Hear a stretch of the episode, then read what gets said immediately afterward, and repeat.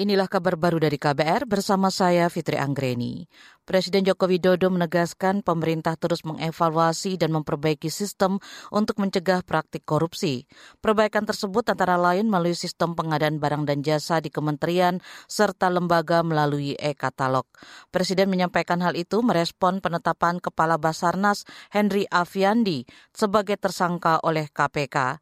Henry diduga terlibat korupsi pengadaan barang dan jasa di Basarnas.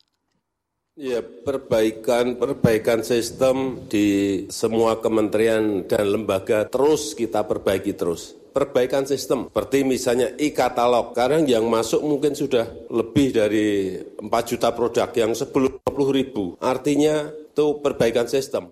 Presiden Jokowi juga menegaskan sikapnya untuk selalu menghormati proses hukum terkait pejabat yang terjaring operasi tangkap tangan Komisi Pemberantasan Korupsi KPK. Sebelumnya KPK mengamankan uang hampir 1 miliar rupiah dalam operasi tangkap tangan kasus dugaan korupsi pengadaan barang dan jasa di Basarnas tahun anggaran 2021-2023 Selasa lalu. Uang itu diduga diberikan agar sejumlah perusahaan memenangkan tender proyek pengadaan di Basarnas. KPK menduga nilai suap di Basarnas sejak 2021 hingga 2023 sebesar 88 miliar rupiah. Sejumlah pihak telah ditetapkan sebagai tersangka termasuk Kepala Basarnas Henry Alfiandi. Kabar Pemilu Kabar Pemilu. Profesi tenaga pendidik seperti guru dan dosen rentan terpolitisasi jelang pemilu 2024. Menurut Komisioner Komisi Aparatur Sipil Negara KASN Ari Budiman, pengalaman politisasi guru dan dosen juga terlihat jelas saat Pilkada 2020. Ketika itu aparatur sipil negara ASN yang paling banyak melanggar netralitas adalah kelompok jabatan fungsional lebih jauh di antara jabatan fungsional tersebut, maka kelompok jabatan guru dan dosen menjadi kelompok jabatan fungsional yang terbanyak melakukan pelanggaran atau sebesar 70 persen dibandingkan dengan jabatan fungsional lainnya. Hal ini menunjukkan bahwa kelompok jabatan fungsional guru dan dosen sangat rentan turut serta dalam kancah politik praktis. Komisioner Komisi Aparatur Sipil Negara Ari Budiman menjelaskan jenis-jenis pelanggaran netralitas yang sering dilakukan tenaga pendidik antara lain terlibat kampanye di media sosial, menyelenggarakan kegiatan yang mengarah kepada keberpihakan, dan foto bersama calon atau bakal calon.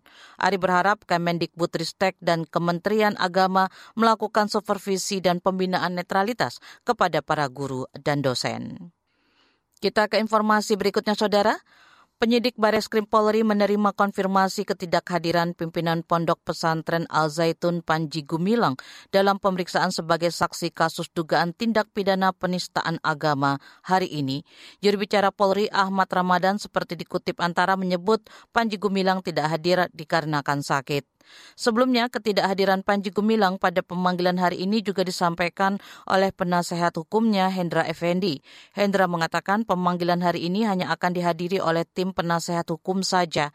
Penyidik Baris Krim Polri hingga saat ini sudah memeriksa 30 saksi dan 20 saksi ahli termasuk menerima hasil pemeriksaan barang bukti dari Puslap for Polri. Para saksi ahli itu adalah ahli pidana, agama, bahasa, ITE, sosiologi, dan ahli laboratorium forensik.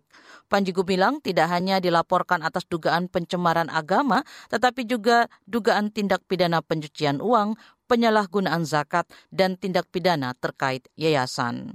Demikian kabar baru dari KBR, saya Fitri Anggreni, salam.